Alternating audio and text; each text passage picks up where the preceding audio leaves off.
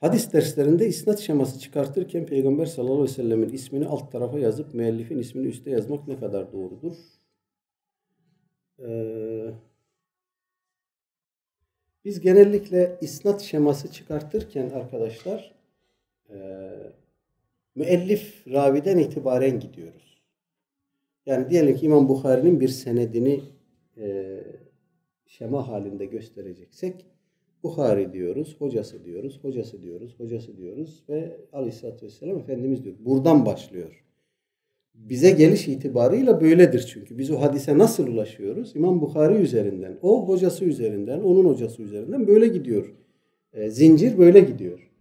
Dolayısıyla onu şema haline getirdiğinizde de e, otomatik olarak İmam Bukhari başta Efendimizin adı sonda yer almış oluyor. E bu edeben doğru bir şey midir? Yapılmasa daha iyi olur. Ama böyle yapıldı diye bir adamın edepsizlik yaptığını söylemeyi de ben şahsen doğru bulmam. Bu bir şemadır netice itibarıyla. Dikkat edilse iyi olur ama dikkat etmeyen bir insana da yanlış yaptı, edepsiz davrandı demeyi çok doğru bulmam.